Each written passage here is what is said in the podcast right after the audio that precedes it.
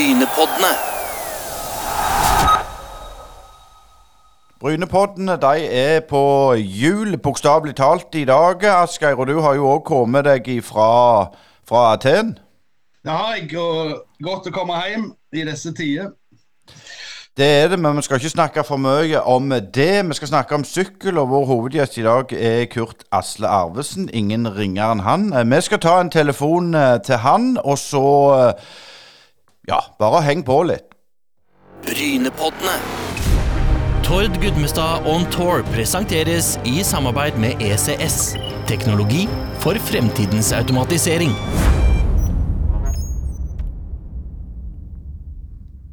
Da er det jo en eh, ære å få ønske deg, Kurt Asle, velkommen til Brynepoddene. Ja, takk for det. Du skal ta oss litt videre du, Asgeir, eh, for eh, når det er historie og, og nerden, så, så er det vel det beste du tar over. Ja, eh, Vi må jo eh, begynne med, med Kurt Asle, som, som eh, på en måte sykla seg inn i, i eh, norske TV-skjermer han var, vant U23-VM i 97. Men han kommer fra en liten plass, og, og vi som er vokst opp eh, og i og rundt Jæren, vet jo hva det er å komme fra små plasser. Og jeg lurte litt på Kurt Asli først, kan du snakke litt om der du kommer fra, fra Eresfjorden i, i Romsdalen? eh, Litt om eh, idrettsmiljøet du vokste opp i? Ja, som du sier, Det var jo en liten plass, en liten bygd med, med 450 innbyggere. Det var jo, det jo begrensa med, med fritidsaktiviteter, så du måtte jo være litt kreativ sjøl. Men eh, vi hadde eh, gjennom sommeren eh, fotballag, stort sett, eh, der, vi, der, der, vi, der vi trengte alle. Vi hadde vel, vi hadde vel både jenter og, og gutter på samme lag for å få nok folk. og men det var jo en utfordring, for når, når, når noen av gutta ble 14-15 år, så, så ble det jo moped som ble litt mer interessant enn en, en, en fotballen. Og, og, da måtte vi ut til nabobygda. da. Og jeg husker Pappaen min var jo, var jo fotballtrener, og da var jeg innimellom vi måtte, måtte rett og slett kjøre rundt bygda og opp i, opp i siloen til, til bøndene og, og, dra ut til ungene for å få nok folk til til å spille fotballkamp.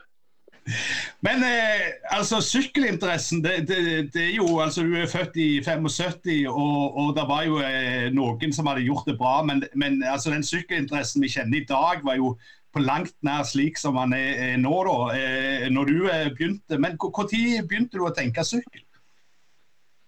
Det var ganske seint, egentlig. Det var, jo, det var jo som sagt fotball og, og langrenn som var mine hovedidretter i barndommen. og så så var det jo en, en liten klubb i, i, kommunen, og der var det vel en seks, sju, åtte eldre menn eh, mellom 40 og 50. Og de var, de var, jo eldre for meg den gangen, når jeg, når jeg var 17. Så, og de, de, drev og trente frem til Trondheim-Oslo. og Den gangen så var det det store. Det var jo det var superhard haus. Det var en, en, sånn trippel der du skulle gå Birkebeineren på ski eh, til merketid og sykle Trondheim-Oslo under 24 timer og så fullføre Oslo Maraton. Og det tenkte jeg den, den, den, den går jeg for. Og da, da, ble jeg med og trente med de gutta der. og Det var jo noen lokale turløp der. og Jeg klarte å henge med og trodde at de var ganske gode. så, så, så klabba det på seg etter hvert. Men, men stort sett så sykla jeg turløp òg de første åra som, som U23-syklist. Men, men, dette at du vant U23-VM, det husker jeg jo. Det, det, det, I den tida var det jo eh, hovedsakelig sånn innspurten en så på fjernsynet, og, og, og nordmannen ble nummer 78, eller hva de pleide å si. Men så smeller du til å vinne U23-VM sånn litt out of the blue, iallfall for, for det, det breie publikum. Altså, hva var det som klaffa 100% det året, tror du? Nei, det starta egentlig det var, da, da, hadde jeg jo sykla et par år, og så, og så, um, så, fikk jeg muligheten til å sykle for et lag som heter CK Bjørgvin, Bergen-basert. Og, og, De hadde jo et kjempebra opplegg for å være på den tida, og med det, det budsjettet de hadde. Så vi starta året med høydesamling i Sør-Afrika. Vant faktisk et, et løp der nede allerede i mars. og det var som, som det, altså, det gikk på vannet det året der, for det, alt bare fløyt. Men uh, sjøl for meg så så jeg ikke på meg sjøl som noen, uh, noen uh, favoritt til det, til det, VM der. og det var det første i etterkant de forsto egentlig hvor god form jeg hadde vært gjennom det året. Så, um, så det var overraskende for folk flest, men òg for meg, for meg sjøl. Og, og, når det gjelder akkurat den avslutninga av den spurten der, så, så klaffa jeg bare alt den dagen. Eh, Men hvordan var det for, med foreldre, og var det dyrt å drive med sykkel? Fortell litt om, om den prosessen der, for vi, vi hørte jo på Tord at i dag så, så koster jo syklene en del. Hvordan, hvordan var det på den tida? Jo, det kosta jo tilsvarende den gangen. Jeg husker jeg brukte, brukte mye av sparepengene mine. Første, den første sykkelen jeg hadde, det var faktisk en jeg fant i, i Romsdals Budstikke. Det var den gangen det var annonser i avisa. sant? Og, og dro ut sammen med broren min og, og, og kjøpte en brukt uh, Miata-sykkel. Miata-sykkel. Eh, vi hadde jo ikke greie på å sykle i hele tatt. Og fant jo fort ut det dagen etterpå eller et par dager etterpå at vi hadde jo blitt lurt. Uh, Jeg hadde kjøpt en sykkel for 7500 der, og den var jo ikke bra i hele tatt. Så jeg ringte tilbake til han karen og lurte på om vi kunne få gjøre om igjen handelen. Men det, det gikk ikke, for han hadde kjøpt saksofon for de pengene. men, men eh, det er jo eh, en vandrehistorie. Jeg, lurer på om det var i 97 eller 98 når du sykla det såkalte helvete på, på Heden i, i Danmark. Eh, der du lå veldig godt an, og så kom Bjarne Riis opp på sida av deg og, og ga deg noen meldinger. Er, er det noe sant i den historien? Ja, den er det, den er det absolutt noe sant i. Det, det var jo det var jo et rotterace uh, ut av en annen verden. det. det Svein Gaute Hølestøl, uh, lokale helten der nede uh, hos dere, han uh, satt jo òg i det bruddet der. og Vi ble, ble tilbudt både penger og det som var, men problemet var at Rolf Sørensen og Bjarne Riis hadde jo rotta seg sammen. Så vi ble jo egentlig lurt der. Så, men godt fornøyd å, å kjempe om den, uh, den andreplassen som vi fikk til slutt. Men altså, eh, U23-seieren åpna jo opp eh, vanvittig mange dører. Men hadde du sett føre deg at du skulle bli proffsyklist eh, på den tida? Eller var det noe mål du jobba mot, eller, eller kom det litt sånn eh, i etterkant av den bra sesongen i 97? Det var jo helt klart, eh, om ikke den største seieren, så den viktigste seieren. Eh, Det er U23. Det var jo ikke så mange som kikka opp på hva vi nordmenn holdt på med, så du må, måtte jo nærmest eh, vinne et U23-VM for for å bli aktuell. I, I den gangen så var det jo stort sett italienske, spanske og, og franske sykkellag. Og de, de jo, Det var jo mye kortere vei for å plukke en, en lokal rytter fra de landene.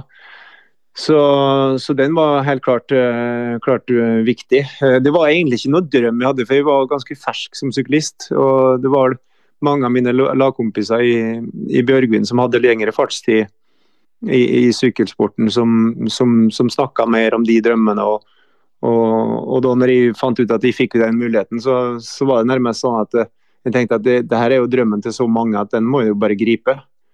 Men det var med blanda følelser. Jeg pakka Suzuki Balenoen der oppe i Romsdalen og, og kjørte nedover mot Italia. Det var jo bare, bare, bare lang vei å kjøre til Oslo for å finne, finne fram til Kielbåten den gangen. Jeg husker jeg, snakket, jeg, jeg ringte, rundt, ringte rundt til lastebilsjåfører som kjørte i Europa for, for å få tips om hvilke veier jeg skulle kjøre nedover. Men, men eh, altså, du, du snakket jo om Bjørgvin, som lå i, i, i norsk målestokk eh, ganske langt framme på den tida. Men den verden du, du møtte når du gikk til, til, til CC, var det vel eh, Kan du beskrive den? Ja, Det var jo etter et par år i Italia der eh, jeg hadde stanga i veggen og, og ikke fått til så mye. Eh, Det var et sjokk å komme ned dit. Jeg visste jo knapt nok hva pizza betydde på italiensk. sant? Og ble plassert i et hus der med, med åtte italienere. Så det var, det var et røft, røffe år. Hadde mye hjemlengsel og lengta tilbake til klubbmiljøet i Bjørgvin og, og familie hjemme. Og jeg husker en periode der jeg hadde 14 dager fri i mitt løpsprogram, men eh, de, ledelsen i laget de hadde ikke noe forståelse for det at jeg skulle ta en tur hjem. Så jeg måtte jo faktisk ljuge og si det at jeg måtte hjem i en begravelse. Min bestemor hadde dødd. Eh, hun eh, hadde jo dødd i 1981, så det, det, det her var jo i 98. Så da fikk jeg frie tøyler til, å, til, å, til å dra hjem og, og besøke familien. Det gjorde godt. Vi kom tilbake igjen der. og og, og, og ble nummer tre på et, på et, på et ritt. Så, så da fikk jeg, fikk jeg oftere muligheten til å reise hjem. Men, men, Eh, overgangen til Ja. ja, ja, bare for Nei, nei, så det var, det, var, det var, tøffe tak i starten der. og jeg hadde egentlig, når, når kontrakten utgikk der i 2000, så, så var jeg egentlig godt fornøyd. Jeg husker mange av mine lagkompiser som stressa og stressa med kontrakt videre. Men jeg tenkte at nå, nå har jeg ofra mye og jeg var godt fornøyd. Men heldigvis så, så åpna det opp en, en mulighet i, i danske sykkellag, og det, det, det, gjorde jeg godt. For det var, det var liksom å komme hjem. Så, men kan du, kan du, si litt om, om dansk uh, sykkelsport? Altså, de hadde jo hatt eh, Bjarne Riis var det store navnet, og, og flere gode syklister. altså hva hva var, hovedforskjellen på, på, Nå jobber jo med dansker i dag, men altså hovedforskjellen på, på, på si, dansk sykkelkultur og norsk sykkelkultur, hvordan vil du beskrive den? De hadde jo, de hadde jo lengre fartstid når det gjelder sykkel og landeveissykling spesielt. og De var jo oppe på en boom der etter at Bjarne Riis vant, uh, vant, Tour de France. og Det var jo mer aksept. Altså, på slutten av 90-tallet i Norge, når du sa du var syklist, så, så, så spurte jo folk om du, om du sykla Trondheim-Oslo. Mens i Danmark så var det mye, mye mer forståelse og mye mer kultur for sykkelsporten. Så, så det, var, det, var, litt en annen verden. Vi har etter hvert i Norge har nå kommet etter de siste 20 åra. Så, så, det har endra seg. Eh, nå har vi jo produsert mange gode syklister her. Så, men eh, det, nei, det var, det, var, det var som å komme hjem når du kom til Selv om det var et internasjonalt sykkellag, CEC, eh, så var det jo, var det jo dansk ledelse og litt samme, samme kulturen som vi har i Norge. Men, men, hvordan var det med, med medieoppmerksomheten på den tida? Altså, i, i, dag så, så, sender jo TV 2 Tour de France. Eh, en kan se giroen hvis en vil òg. Men, men, altså Du eh, var jo og, og, og var med de store lagene og sykla eh, internasjonale ritt. Og, og, Var det mye oppmerksomhet rundt deg, eller fikk du stort sett holde på i fred på den tida? Nei, det var, det var altså Medieinteressen den kom jo sakte, men sikkert, og den toppa seg alltid hvert år med Tour de France.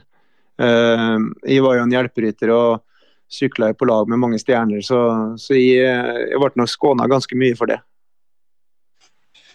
Men, men, men, altså, føler du generelt at da, i sykkelsporten at det, det, har kommet seg litt der? For Før så, så husker jeg de snakket alltid når det var sykkelløp, så var det jo bare hvilken plass folk fikk. Det var, det, det var, ikke veldig mye snakk om dette arbeidet som, som hjelperytterne må gjøre. Og, og, altså, At det er et team som fungerer som et maskineri. dette. Altså, Føler du at det, det, har blitt bedre med år?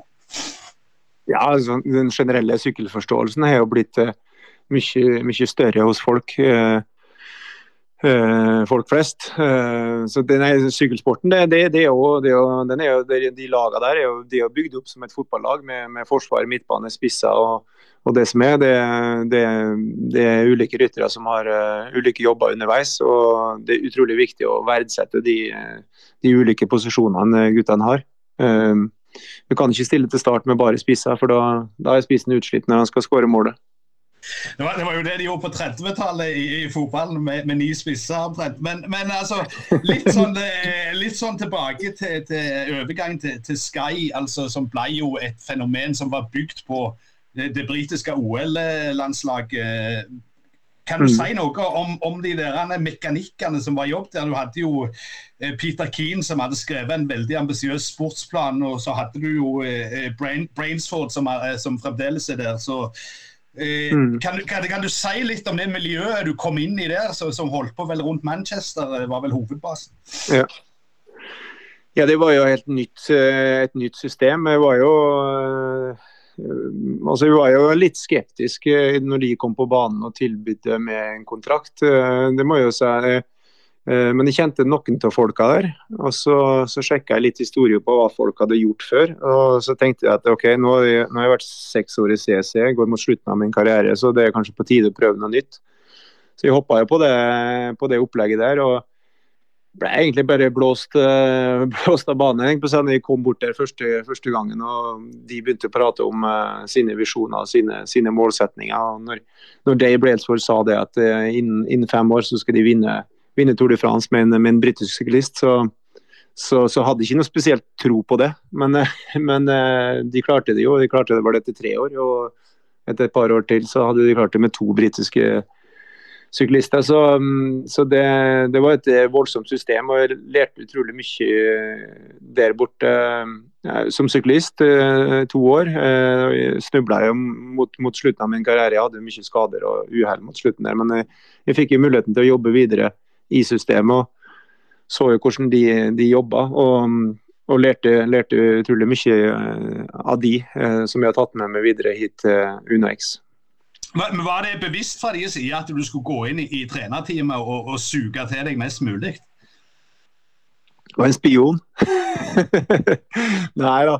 Eh, det var ikke bevisst, men det var en, eh, det var en interessant rolle. og Jeg var heldig ydmyk for å, for å få den, den, rollen. der. Etter hvert så ble jeg jo mer sportsdirektør enn en, en, en, trener, men jeg hadde jo innsikt i alt av planer og, og sånne ting. så så selv om du, du, lærte mye der nå, så er jo ikke det de gjorde den gangen godt nok i dag. Eh, sånn er det jo hele tida. Det er en voldsom utvikling. og Spesielt innenfor sykkelsporten så har det vært eh, ekstrem utvikling i bare de siste ti åra siden jeg var syklist sjøl.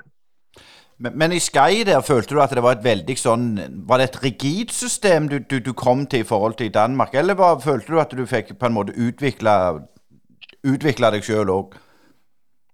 Ja, jeg fikk utvikla meg sjøl, definitivt. Eh, og det var ganske rigid. Men eh, altså, de, var jo, de var mer nytenkende enn eh, en mange andre kontroversielle, eller ikke kontroversielle, men, men traust, trauste sykkellag eh, som, som sykkelsporten var kjent for i, i, opp gjennom historien.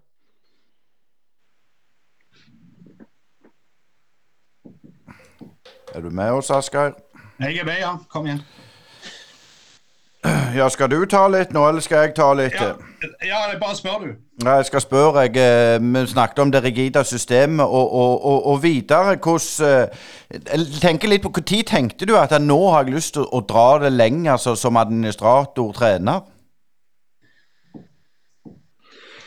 Nei, altså jeg var godt fornøyd med det som skjedde i, og min rolle i, i Team Sky. Eh, det var jo, men eh, så skjedde jo ting her på hjemmebane. Vi fikk et par unger og tenkte etter hvert at eh, nå, nå, uh, nå, må vi trappe ned, ned reisinga. Og, da, og da, så kom jo Jens Haugland og Unex på banen. Jeg hadde egentlig sagt til meg sjøl at jeg skulle aldri bli en del av et norsk sykkellag. Eh, det, det blir for voldsomt. Men, men etter det første møtet med Vegard Kulseth og og, og Jens Haugland, så, så, ble jeg overbevist om at det her, er, det her er noe jeg, jeg, har lyst til å være med på. De var så engasjerte og fulle av energi at, uh, og, og, virkelig brente for det. Og Det var jo det var en unik posisjon. Det var jo en, en, et stort, eh, stort, selskap som ville ha sykkellag, så det var jo sånn, sånn sett trygt økonom, økonomisk. og var, var med og bygde opp, bygde opp det, og, og, fikk virkelig eierskap til, til, til prosjektet. og nå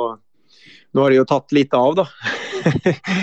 så nå er vi jo etter hvert uh, blitt uh, Fra å være et lite kontilag, så har vi nå et pro-team, et kontilag og et World Tour-team for damer. Så, så det her er jo utrolig artig, artig reise å, å være med på. Men, men Kurt Asle, kan du si litt om, om holdt på å si, når du kom inn og, og, ble overbevist om at dette var noe for deg? Og, og hva slags, Kan du si litt om planene dere la, og målene dere satte dere? altså Hvor lange perspektiv snakker vi om, osv.? Fra uke til uke.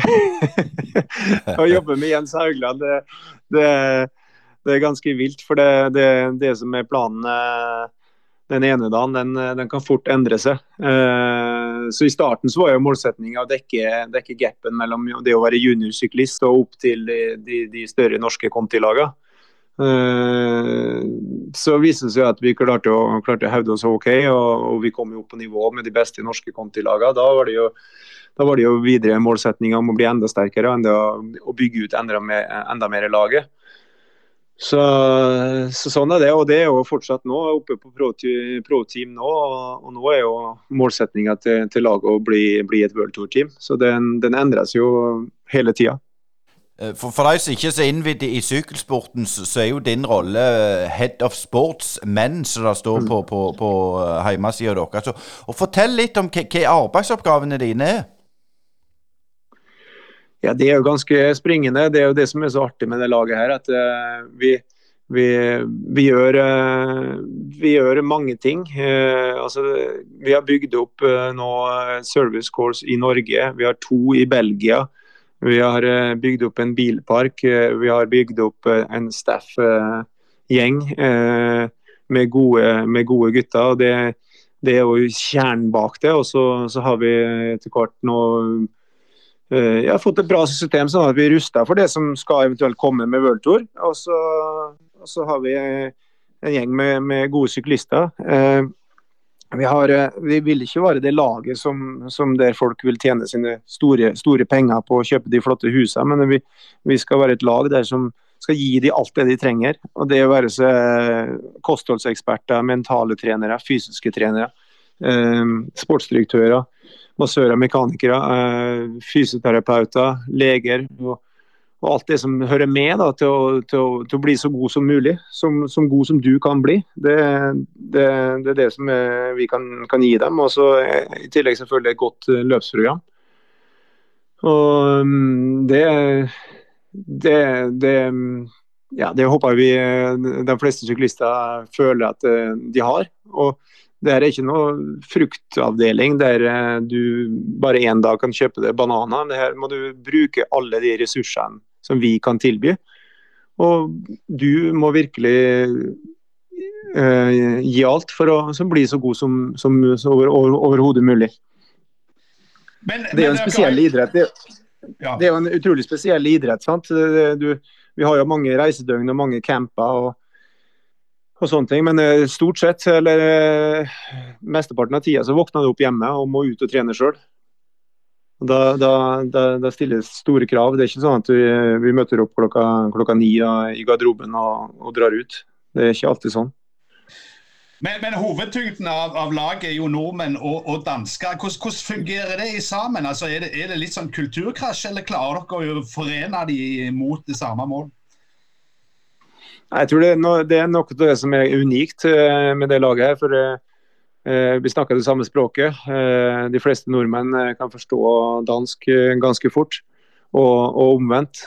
Og da slipper du å sitte med åtte italienere der et års tid og ikke forstå hva som blir, blir snakka om rundt, rundt bordet. Det, det, det, er en god sammensveisa gjeng. Eh, hvert år så starta vi med en kickoff eller en sånn teambuilding camp der, der folk eh, blir godt kjent. og det samholdet vi kan og har fått, eh, gjør at eh, du, du ofra det ikke, eller sykler ikke bare for en lagkompis, men du sykler faktisk for en kompis. og Da er det mye enklere å gi 100 hele tida. Ja. Men jeg tenker, er det, er det, lettere når du er på en måte et nytt team, å, å bygge en kultur, eller komme utdannet inn i et eksisterende team? Nei, Det må jo være enklere å bygge opp den kulturen du vil ha i laget sjøl. Uh, og, det har vi jo gjort her over tid nå. Uh, mange av de rytterne vi hadde de første året, de er fortsatt uh, på laget her. Og Vi har mista et par på veien, men det er, jo, det er jo naturlige årsaker. At folk finner på at de skal gjøre noen andre ting i livet.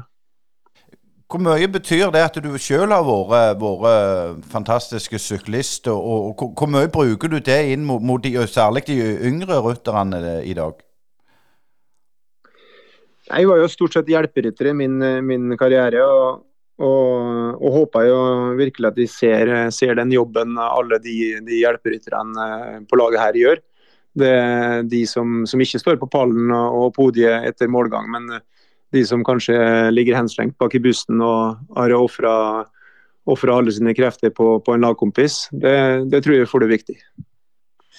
Eh, nå er jo eh, vårt eh, noe av målet i denne, dette året å følge eh, vår lokale mann eh, Tord eh, Gudmestad gjennom sesongen. Men kan du fortelle litt om den prosessen dere ser etter Ruta? For vi kjenner jo dette fra fotballen med, med talentspeiding osv. Hvordan, hvordan jobber dere inn mot sånne ting?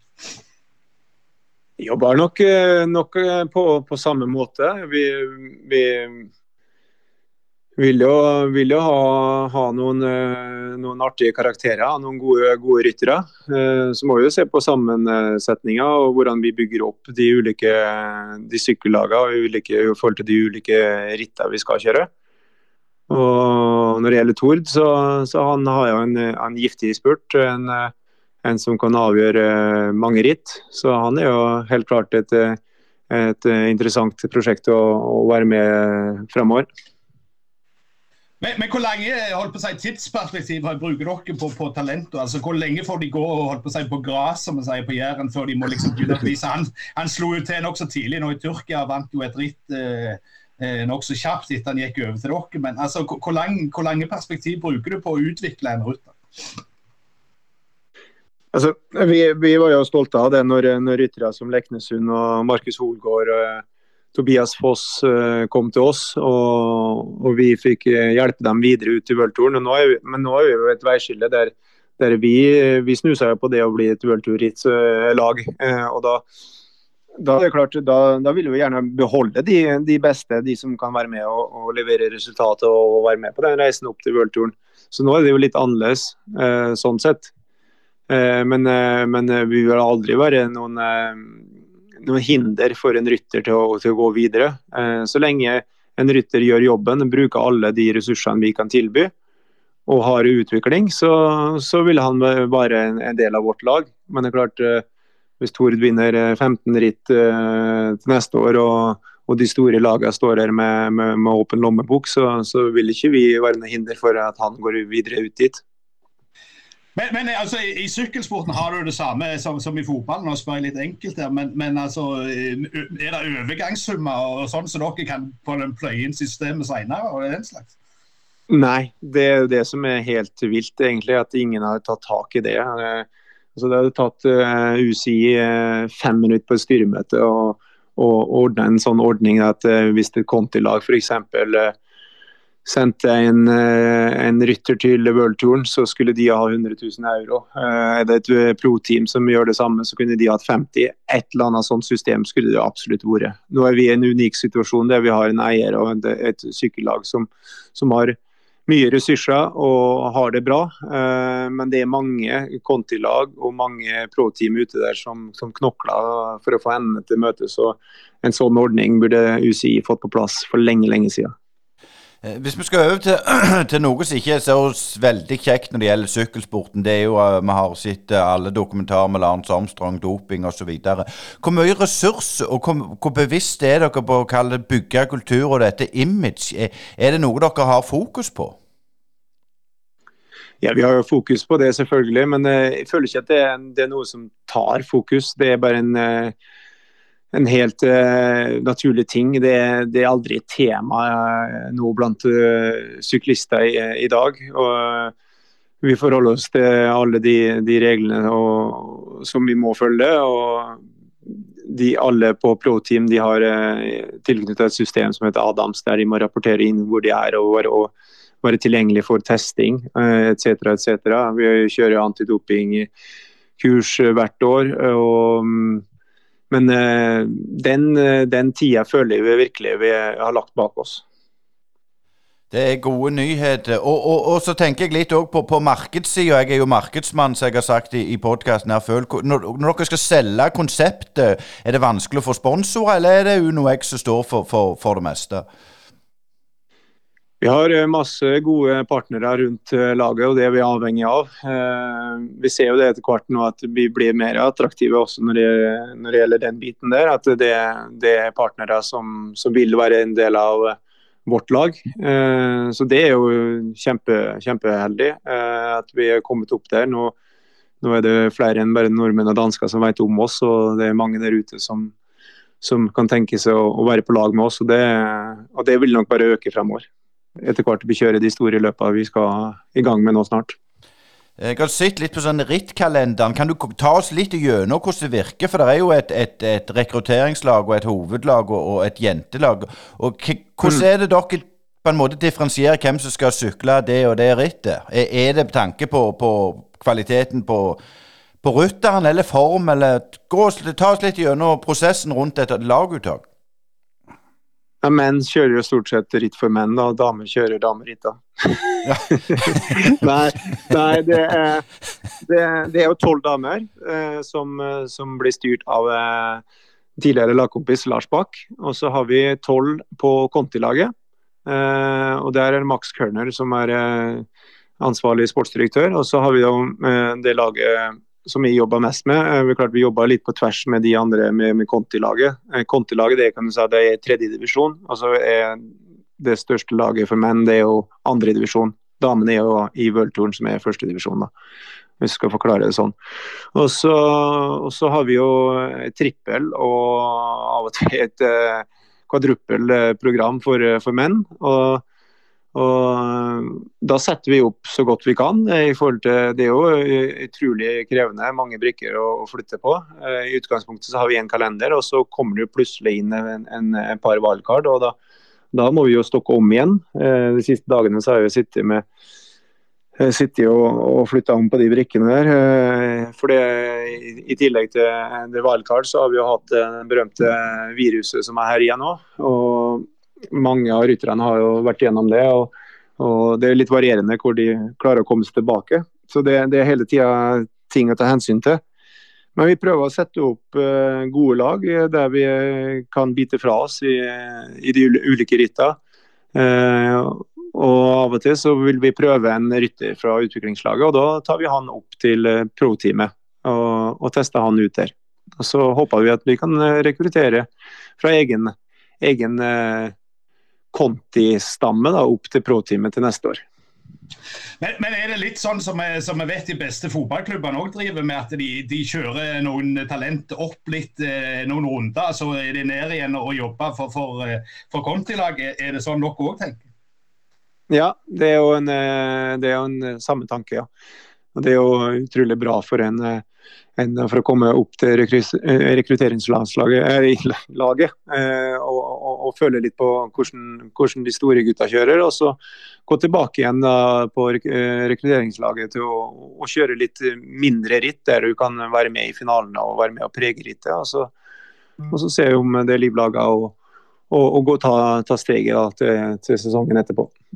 Men eh, dere har jo kjørt eh, noen ritt nå i, Tyrkia, i Oman, i, i Saudi-Arabia. Eh, og altså, eh, Jeg vet jo det at Tyrkia på, på, i februar ikke akkurat noe sånn solkystopplegg. Men Oman og Saudi er litt mildere klima. Men altså, de der ryttene som dere kjører nå for tida, er det på en måte litt sånn som treningskamper? At dere skal bare teste ut hvor dere ligger i løypa? på en måte? Det var nok mer sånn før. Nå er nok, nå er nok det blitt sånn at folk kommer skarpskodd, altså om det er ritt i januar eller februar. Eh, husker jeg før når vi dro ned til Dan Under i Adelaide i Australia og kjørte der. og Det var, eh, det var mer som en sånn treningsritt, men eh, det har endret seg, det altså. Folk er i form allerede fra, fra januar-februar eh, og ut gjennom hele året. Det er klart må jo våre trenere og vi som setter opp laget være flinke til å periodisere. Og, sånn at vi, vi har vi har god form på, på de viktige rittene og, og, der vi vil at gutta skal levere. For det, det, er jo umulig å være på topp eh, gjennom en hel sesong. Det er jo utrolig lang eh, konkurransesesong i, i sykkelsporten. Men, men du, jo, eh, du, er jo kjent med, med de fleste store ritt, og, og, nå er det jo snart duka for vårklassikerne. Og på en måte sesongen etter gammelt begynner for fullt. Eh, hvordan føles det å sitte i bilen da, og se på gutta når, når du vet hva det der greiene er fra egen, erfar? Ja, det var jo senest nå, nå helga som var, eh, da Rasmus Tiller ble seks i omlopp Het Newsblad. Eh, utrolig imponert over, over innsatsen til, til, gutta i det rittet der. Så fikk vi jo justert det igjen på, på, på søndag i Kurne Brussel Kurne, der der vi ble frakjørt igjen. Men, eh, men, eh, det er utrolig gledelig. Eh, gang på gang fra fjoråret også, med Markus Holgaard er topp ti tror Haraldbekk, er blitt overraska hvor, hvor flinke og hvor sterk, sterk, de har kjørt. Så det blir spennende å se nå når vi skal i gang med både Flandern rundt og, og Paris-Roubais, Liège-Bastogne-Liège. Men, men hvordan, altså, for egen del, altså, hva, hva syns du er størst? Er det, er det endagersklassikerne, eller er det liksom torene som, som rager høyest for, for Kurt Asle Arvesen? Nei, det er både òg. Altså, de der i løpet som vi nevnte nå med Flandern rundt og, og Paris-Roubais, eh, større blir det jo ikke i, i forhold til endagersritt. Eh, og så legger vi på uh, Liège på sånn Liège der. Det er nok uh, altså, det, ikke det, det er jo tre av de tre største endagsrittene, Så det er jo helt klart stort. Men uh, oppmerksomhetsmessig så er jo Tour de France største uh, enda uh, for folk flest. Så, så, det er jo klart det, det har vært en liten drøm det å få tatt lille Unex inn eh, ned til det, det rittet der. Men eh, hvordan eh, er det eh, altså Nå har ikke jeg sjekka, men altså, kommer dere til å stille i, i, Giroen eller i Spania i år? Eh, har dere fått noe klarsignal på det? Ja, det er jo tatt ut allerede wildcard til alle de tre, tre Grand Tours, og foreløpig er vi ikke med der.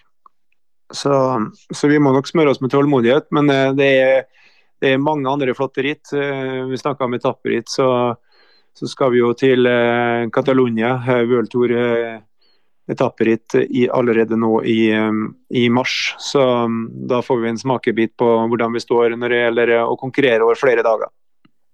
Bare lyst til å komme inn på litt på sykkel i Norge. Du har jo òg sykla for Sandnes SK, det må vi jo for all del ikke glemme. Men, men hvordan føler du på en måte tyngden av, av kvalitet og, og, innovativitet er i, i Sykkel-Norge? Jeg har tatt store steg eh, de siste 10-15 åra. Eh, det starta med, med NTG-skolene langt ned i systemet sant? og flere andre videregående skoler som har sykkellinje. Det er jo alfa og omega. og De rekrutterer jo voldsomt med, med syklister i forhold til norsk målestokk. da. Eh, og ikke minst klubbarbeidet i, i Norge er jo, er jo godt. Nå har vi jo lagt bak oss eh, forhåpentligvis da, to tøffe år med, med korona. At vi kan få flere, flere, konkurranser for alle aldersgrupper i Norge. Eh, så det jobbes kjempegodt. Eh, og, og spesielt i, i, Rogaland så er det jo et unikt sykkelmiljø. Men det er flere sånne miljøer rundt omkring. og Det er jo, det er jo helt klart avgjørende for, for, at vi skal kunne rekruttere folk opp i, i vårt system. og og, og, videre. Så vi er evig takknemlige for det. Det er jo òg UNEX vært rause og, og, og, har flere, flere samarbeid med, med klubber ned på, på det nivået. Eh, vi har jo òg sånn eh, akademiklassifisering i, i, fotballsammenheng. og det er klart Når du kom fra, fra Nesset og, og, vinner Tour de France eh, Du gikk jo ikke gjennom noe akademi. Men hvordan ser du på det? Kan det bli for, for tilrettelagt på en måte? Eller syns du det er en positiv utvikling, det som skjer? Ja, Det er jo stort sett positiv. Rytteren sjøl har jo hovedansvaret for sin utvikling. Så det, så det er nok bare positivt, det. Eh, så det, det, det blir bra. Men, men, Kan du si eh, noen ord til slutt om, om Tord og, og hva holdt på å si, når dere henta han fra Coop? Hva dere tenkte liksom, og, og, hva har du sett som mål for, for han i, i, løpet av årets sesong? Jeg tror det er en kjempespennende rytter som vi vil uh, prøve å, å, gi et godt uh, løpsprogram. Uh, han klinka jo til og vant den første, første løpet han stilte opp i. og Skulle egentlig vært videre med, eh, med det laget som vi hadde i, i Tyrkia der, men eh, så, så dukka det opp en mulighet allerede i Oman. Uh, der, der, ble jeg nok litt for alene, alene i, i spurtene. Han fikk ikke den støtten han hadde fortjent. For det, vi ble jo hardt ramma av, av korona der nede. Og, og fullførte jo kun med to, to ryttere til slutt. Så eh, han, er, han, er, en hissig type, for å si det sånn, på positiv måte. Og stiller høye krav til, til både seg sjøl og omgivelsene. Så spennende å jobbe videre med, med Tord. Han eh, stiller vel på start nå til helga i, i, i, Belgia, så det blir spennende å følge han. Men Vi har jo en avtale med han, han skal jo vinne en etappe i Tour de France, så, så du blir ikke alene der om noen år? Nei, det, men det fortsetter han den utviklinga der, så, så, er det for han, Vi får prøve å sørge for at han vinner den etappen for, for Unex. Ja, Asgeir. Kurt Asle er jo barna av februar, som er altså Kurt Asle og du, Asgeir. Dere er jo globetrottere, mens jeg sitter her på, på, på studio på tur på Bryne. Men, men, eh, Ja, jeg vet ikke jeg, Kurt Asle. Er det noe vi, skulle, vi har glemt å spørre deg om? Nei, jeg tror vi har vært igjennom ganske bra. Hva tror du, Asgeir? Det høres eh, unektelig godt ut, så vi må bare ønske masse lykke til med UnoX-prosjektet. Og det skal bli spennende å følge med ut gjennom sesongen hvordan eh, dette drar seg til. Takk for det. Brynepoddene. Tord Gudmestad On Tour presenteres i samarbeid med ECS. Teknologi for fremtidens automatisering.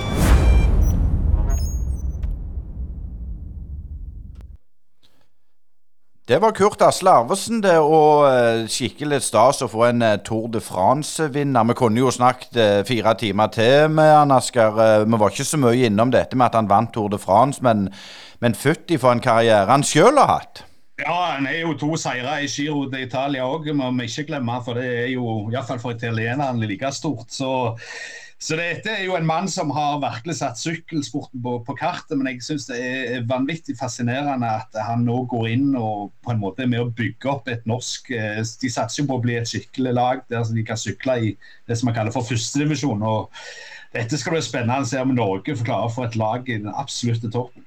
Absolutt. Så kan vi òg nevne han har vært med i OL i, i, i eh, 2000, 2004, 2008. Så det er liksom ikke nobody som er med og bidrar så sterkt på, på, på et norsk lag. Så, så det kan bli ganske spennende om vår, vår lokale, lokale alibi Tord Gudmestad han eh, skal være en del av det. Det høres jo ut som at de satser på han og, og ser at dette er the coming man.